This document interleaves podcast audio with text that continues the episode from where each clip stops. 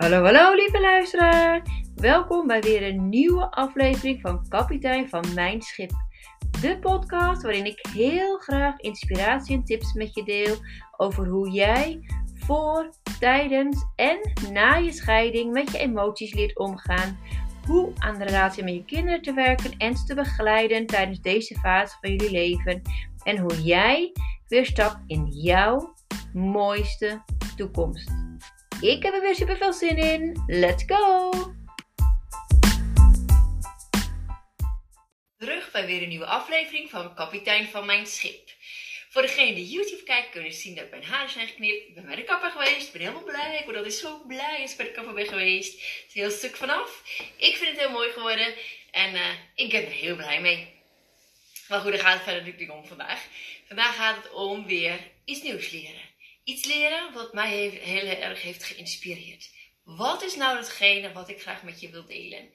Ik wil het graag, uh, ik wil het graag met je hebben hoe ik een nare periode of een naar idee, een nare gebeurtenis heb kunnen veranderen in iets positiefs, waardoor het uiteindelijk zelfs heel goed is afgelopen. In eerste instantie zag er voor mij niet zo mooi uit. Nou, waar heb ik het nou over? Afgelopen winter had ik um, um, contact met mijn ex. Met de vader van de kinderen, sorry. De vader van de kinderen zou uh, eventueel naar Nederland komen, was het idee. En dan uh, zou hij zich hier gaan vestigen met zijn vrouw. En dan had mijn, mijn jongste dochter het aangegeven: als papa hier gaat wonen, dan ga ik bij hem wonen. Ja, dat greep mij natuurlijk aan als moeder, want we waren toen vier jaar uit elkaar. En ja, ik had gewoon uh, al die tijd alleen voor de kinderen gezorgd. En ik voelde mij uh, heel eenzaam en heel naar en eigenlijk ook heel boos. En ik had er allemaal echt geen goede gevoelens bij. En ik had echt zoiets wat krijgen we nou? Gaat er nou opeens ergens anders heen? Totdat ik met haar sprak en zei, mam, je snapt toch ook wel dat ik papa heb gemist. Ik heb nu vier jaar bij jou alleen gewoond. We hebben een goede tijd gehad samen. Maar ik heb papa gemist, dat snap je toch? Toen zei ik echt, ja, ik snap het wel, lief schat. Ik snap je helemaal. Maar ik heb ook mijn gevoelens erin te verwerken. En dat moet ik zelf doen. Um, nou, wat heb ik nou gedaan om dit uiteindelijk ten positieve te keren? Om te beginnen uh, ben ik eerst gewoon de emoties gaan accepteren. Dat is het eerste wat ik heb gedaan. Ik dacht echt, het, de, de omstandigheden zijn zoals ze zijn. Mijn, eh, de vader van de kinderen komt naar Nederland zoals het er nu eruit ziet. En mijn jongste dochter wil bij hem gaan wonen. De oudste drie woonden reeds op zichzelf. Even uh, als side note. Dus zij wil daar gaan wonen. Oké, dus dat is eigenlijk de omstandigheid. En uh, de gedachten die ik en deze omstandigheid, die triggeren bij mij natuurlijk weer bepaalde gedachten. En die gedachten heb ik dus net opgenoemd en die uh, hielpen mij niet echt verder om er echt positief in te gaan staan. Dus daar had ik echt nog wat te doen, omdat ik heel goed besef als coach dat mijn gedachten produceren bepaalde gevoelens. En ik weet heel goed dat deze gevoelens mij uh, uiteindelijk zorgen uh, voor uh, bepaald actie. En dat die actie uiteindelijk weer overgaat in een bepaald resultaat. Dat wist ik. Ik kende, het model, ik kende de opzet. Dus ik dacht echt, oké, wat kan ik doen? Dus de omstandigheden zijn zoals ze zijn. Ik ga nu naar mijn gedachten. Nou, welke gedachten heb ik? Nou, die waren niet zo heel erg positief. En uh, daardoor voelde ik mij ook echt heel naar. En echt heel, heel, heel verdrietig. En heel eenzaam en heel naar. En ik dacht echt, oh, dat waren, omdat ik die gedachten had, die niet positief waren, had ik ook diezelfde gevoelens erbij. Hè? Want die gedachten produceren natuurlijk bepaalde gevoelens. Dus ik zat daar niet lekker. En aangezien ik heel goed weet dat het allemaal begint met mijn gedachten, wist ik ook dat ik hierin um, de leiding kon nemen bij mezelf, dat ik mijn gedachten had te veranderen. Nou, dat was heel makkelijk gezegd, maar echt niet makkelijk gedaan. Wat heb ik nou gedaan? Ik heb eerst tegen mezelf gezegd dat ik voor mezelf eens moest gaan opschrijven wat nou de positieve kant was van dit hele verhaal. Nou, ik kan je vertellen, de eerste keer, ik, toen ik dat zei, ga je eens positief schrijven. Ik werd me toch boos op mezelf. Echt positief. Is niks positiefs, dus alleen maar negatief. En ik ga het missen. En dan komen weer al die gedachten, wat er allemaal niet goed was aan de hele zaak. En weer dat gemis en al die boosheid en alles kwam weer bovendrijven. En vervolgens zei ik: Oké, ik snap het. Ik snap de gevoelens en die mogen er ook zijn. Want het heeft de, elke omstandigheid heeft een positieve kant en een minder positieve kanten. Zo is dat met alles. Het is net waar je op focust en wat je belicht, ehm, wat uiteindelijk bepaalt hoe je je ook voelt. Dus ik belicht heel erg de, de negatieve kant in deze zaak. En dat zorgde dus dat ik me niet zo goed voelde. Nou, toen ik mezelf die vraag had, had gezegd van ga het positief opschrijven, kwam dat niet. Toen heb ik mezelf gewoon mijn hersenen, omdat ik ook weet hoe hersenen werken, die moet je een opdracht geven, een vraag stellen en ze de opdracht krijgen om te gaan zoeken.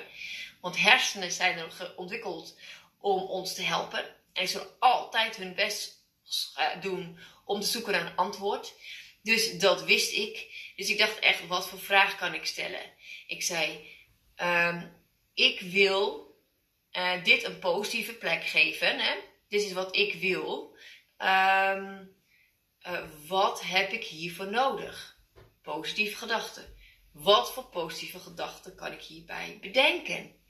En um, ik heb iedere keer mezelf, mijn hersenen, iedere keer als ze omhoog kwamen poppen met iets wat niet positief was, zei ik iedere keer tegen mezelf: dat klopt, dat is inderdaad niet positief. Maar ik wil dat je nu op zoek gaat naar iets positiefs in deze situatie. Want ik weet dat er een negatieve kant is en ik weet dat die een hele pijnlijke kant is eigenlijk voor mij. Want zo, zo, zo voelde dat tenminste voor mij. Maar ik weet ook dat er iets anders is. En daar ben ik naar op zoek gegaan. En dat was echt geen makkelijke zoektocht. Dat heeft echt een aantal dagen geduurd. Misschien wel een week of twee weken voordat ik iets kon bedenken. Dat ik echt van, oh ja, oh ja. Het heeft ook één positief ding. Nou, toen was ik helemaal blij. Ik nou, ik kan, oké, het heeft ook een positieve kant. En toen zei ik, oké, top, goed gedaan, hè, blij, feestje vieren met mezelf, met mijn gedachten, dat het goed is gelukt om iets positiefs te, te vinden in deze omstandigheden die gewoon, vond ik, niet leuk waren. Maar ik wilde nog meer positieve dingen vinden voor mezelf. En uiteindelijk is het me gelukt uh, om een aantal positieve dingen uh, op te noemen die ook met deze omstandigheden gepaard gingen. Het was niet alleen negatief, het heeft natuurlijk ook altijd iets positiefs. En ik heb er heel hard naar moeten zoeken. Het was echt niet zo dat ik de volgende ochtend wakker werd en ik dacht, oh ja, maar dit is positief en dat is positief en dat is positief. Nee, ik zal je zelfs zo zeggen dat ik met mijn verstand, want mijn hersenen zijn natuurlijk op zoek gegaan naar de antwoorden, dat ik het kon opschrijven, maar niet kon voelen nog. Ik kon het echt nog niet voelen. Het was nog de, gevoelens van pijn waren nog te heftig aanwezig, dat ik dat nog niet kon. Maar iedere keer als die gedachte boven kwam dat het iets, uh, iets van eenzaamheid was of iets van verdriet was, zei ik dat is waar, dat is er ook, het mocht er zijn. Maar het heeft ook een positieve kant. En dan noemde ik het op. Ik voelde het nog niet, want dat kon ik echt nog niet. Hè. Het begin het was echt echt een moeilijk proces geweest voor mij. Maar door het iedere keer te gaan doen, iedere keer uh, te erkennen dat het gevoel er mocht zijn en dan de positieve kant te benoemen, al kon ik het niet voelen, door het iedere keer constructief te blijven herhalen en te blijven doen, begon ik het op een gegeven moment, kreeg dus ook steeds meer ideeën, ideeën wat eventueel ook nog toegevoegd kan worden aan iets positiefs. Um, van de situatie op gaan schrijven en op een gegeven moment begon, merkte ik dat ik het langzaam begon te voelen, dat ik dacht van, oh, ja, oh, dat is gek. Het begint een beetje te voelen. Ik begon me heel erg te focussen, omdat ik steeds mijn, mijn gedachten shifte van de pijn naar ook positieve kant. Want elke gebeurtenis heeft iets positiefs en iets negatiefs. Elke gebeurtenis, het, al hoe pijnlijk het ook is, er, is het altijd, er zit, soms is het echt niet voor te stellen. Maar uiteindelijk, als je er echt op focust, dat is wat ik echt heb geprobeerd te doen. En het was echt niet makkelijk. Heb ik het kunnen bedenken. En heb ik, um, uh, uiteindelijk kon ik het ook voelen. En ik kan je vertellen dat ik het na een paar weken kon ik het echt voelen, voelen. Ik echt dacht van, oké, ik begon mijn mind echt, mijn, mijn hersenen ook echt te shiften naar het heeft ook iets positiefs. Dus wat in het begin heel veel moeite kostte van het is eenzaam en verdrietig en, en bla bla bla, wat negatief was.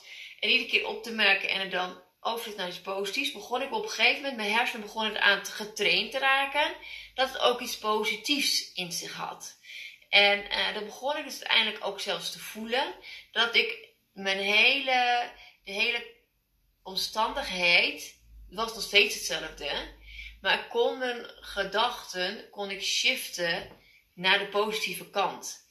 En daardoor, omdat ik mijn gedachten kon shiften en na heel veel trainen, moeilijkheden, proberen, proberen, proberen, proberen, uiteindelijk is het me gelukt om die gedachten te shiften. Uh, is het me gelukt om die gedachten, die produceren natuurlijk gevoelens, om die gevoelens ook te veranderen. En ik kan je vertellen, toen mijn gevoelens begonnen te veranderen, toen ik me echt begon te focussen op de positieve kant van het verhaal, begonnen mijn acties ook anders te zijn. Begon ik het ook echt te voelen dat ik het kon loslaten. Te voelen dat ik het gewoon ook kon accepteren. Accepteren dat zij inderdaad gewoon gelijk had. Tuurlijk had ze haar vader gemist. En ik kon er zelfs nu naar kijken, na heel veel werk, hè, is niet van ene, niet over een nacht ijs, maar heel veel werk kon ik er zelfs zo naar kijken, dat ik het er zelfs kon gunnen. Ik kon het op een gegeven moment zelfs gewoon blij zijn voor haar. Dat ik echt zei, ja, maar je hebt gelijk. Natuurlijk, ik snap je, lieve kind. Ik ga je ontzettend missen, om dat gevoel, dat mag natuurlijk zijn. Maar ik snap het en ik ben er oké mee. En ik, ik weet ook dat het positieve kant heeft, ook voor mij. En um, doordat op die manier, ik kan je vertellen dat op het moment dat ik het echt kon voelen, dat ik echt op mijn hele lijf de dankbaarheid voelde en de positieve intentie en de positieve uh, gevoelens kon voelen door mijn hele lijf. Dat ik echt dacht, ik was echt helemaal oké met de situatie als ze daar zou gaan wonen. Op dat moment, toen ik het volledig had geaccepteerd en volledig voelde van laat het los en het is oké. dat was het moment dat ik te horen kreeg dat hij niet kwam. ik was echt stil. En uh, ik moest echt er eventjes terug. Ik van, oh, oh, oké. Fantastisch, ook heel goed. Ik had er al geen rekening mee gehouden dat het ook nog zo ten positieve kon keren. En dat ze gewoon bij mij is gebleven. Ik, ik, ik ben heel blij dat ze nog steeds bij mij is. En hij heeft uiteindelijk heeft de vader van de kinderen gekozen om dus in Colombia te blijven met zijn vrouw. Dat is hun keuze. Um, zij, ja, mijn jongste dochter is dus daardoor dus bij mij blijven wonen. En uh, ja, we hebben gewoon een goede tijd samen. Maar wat ik hier gewoon mee wil vertellen, is dat um, waar jij focus op legt, um, dat is ook wat je uiteindelijk gaat voelen. En de omstandigheden zijn altijd zonder gevoel. De omstandigheden zijn altijd de bladeren vallen van de boom. Het is herfst. Punt. Dat zijn omstandigheden. Punt. Geen komma, maar een punt. Dat zijn omstandigheden. En zijn onze gedachten die dan denken van, oh ja, we zijn in de herfst getrouwd. Hoe romantisch was dat? En de blaadjes, oh, het was zo mooi gekleurd, fantastisch. Of, zelfde omstandigheid, boom, herfst, vallen, punt. Hè? Omstandigheden hetzelfde. Exact dezelfde situatie. En de andere persoon denkt, oh ja, in de herfst hebben we inderdaad oma begraven. Ja, dat was ook zo. Ja, dat was wel heel erg verdrietig. Ja. Ja, nee, ik ga er wel heel erg missen. Ja, wat jammer dat ze er niet meer is, hè. Ja, ik weet nog dat ik er elke zondag ophaalde. Ja. Ja, dat we samen leuke dingen gingen doen. Ja, dat was een goede tijd. Zelfde omstandigheden, hè. Hetzelfde. Het is herfst, bladeren vallen, van de boom en iemand wordt heel gelukkig omdat hij denkt dat is huwelijk. Zelfde omstandigheid. Bladeren vallen van de boom. Het is herfst, punt. Zelfde omstandigheid en iemand wordt heel verdrietig omdat hij denkt, zijn gedachten, aan zijn oma. En zijn oma die er nu niet meer is. En dat, dat produceert een bepaald gevoel. En dat gevoel, dat, draagt, dat gaat weer over op acties. Die persoon voelt zich wat minder in zijn vel, wat minder energie. En het heeft een ander resultaat dan de persoon die hetzelfde omstandigheden heeft, maar heel andere gedachten heeft. En daar, daarmee wil ik gewoon ook ja, soort van aantonen en ook onder de aandacht brengen. Dat het zo belangrijk is dat als iets heel moeilijk is en dat het heel belangrijk is om je emoties te voelen en het te mogen laten zijn, probeer er niet tegen te vechten, want ze mogen er gewoon zijn. Ze mogen gewoon geaccepteerd worden zoals ze zijn. En vervolgens is het aan jouzelf wat je er verder mee doet. Die gevoelens worden geproduceerd door je gedachten. En jij kan dat switchen. Als je dat wil. Als je er klaar mee bent, kan je dat switchen. En ik geloof dat jij als kapitein van je schip, dat je alle tools in je hebt om dat te kunnen. En um, dat als jij het echt wil, jij dit kan. En ik hoop dat je me dit voorbeeld hebt geïnspireerd. Dat ik duidelijk heb gemaakt hoe het werkt, zodat ik het voor jezelf kunt toepassen. En als je het lastig vindt, schakel dan hulp in. Zorg dan dat er iemand naast je staat die met jou dit proces gaat aangaan. Die met jou dit proces wil aangaan. Een goede vriend of een goede vriendin. Of een coach. Of wie, mij, wie jij maar uitkiest. Waar jij een goed gevoel bij hebt. Want dat is wel belangrijk. Je moet je goed voelen bij iemand. Iemands energie moet goed met jou matchen. Uh, om jou te helpen door een bepaald proces heen te gaan. En om dit toe te passen in je leven. Ik weet dat jij het kan. kan. Ik geloof in jou. En uh, ik wens je ontzettend veel succes toe met het oefenen hiervan. En uh, ja, dit was eigenlijk voor vandaag. Ik wens jou een hele fijne dag. En ik spreek je morgen. Doei doei!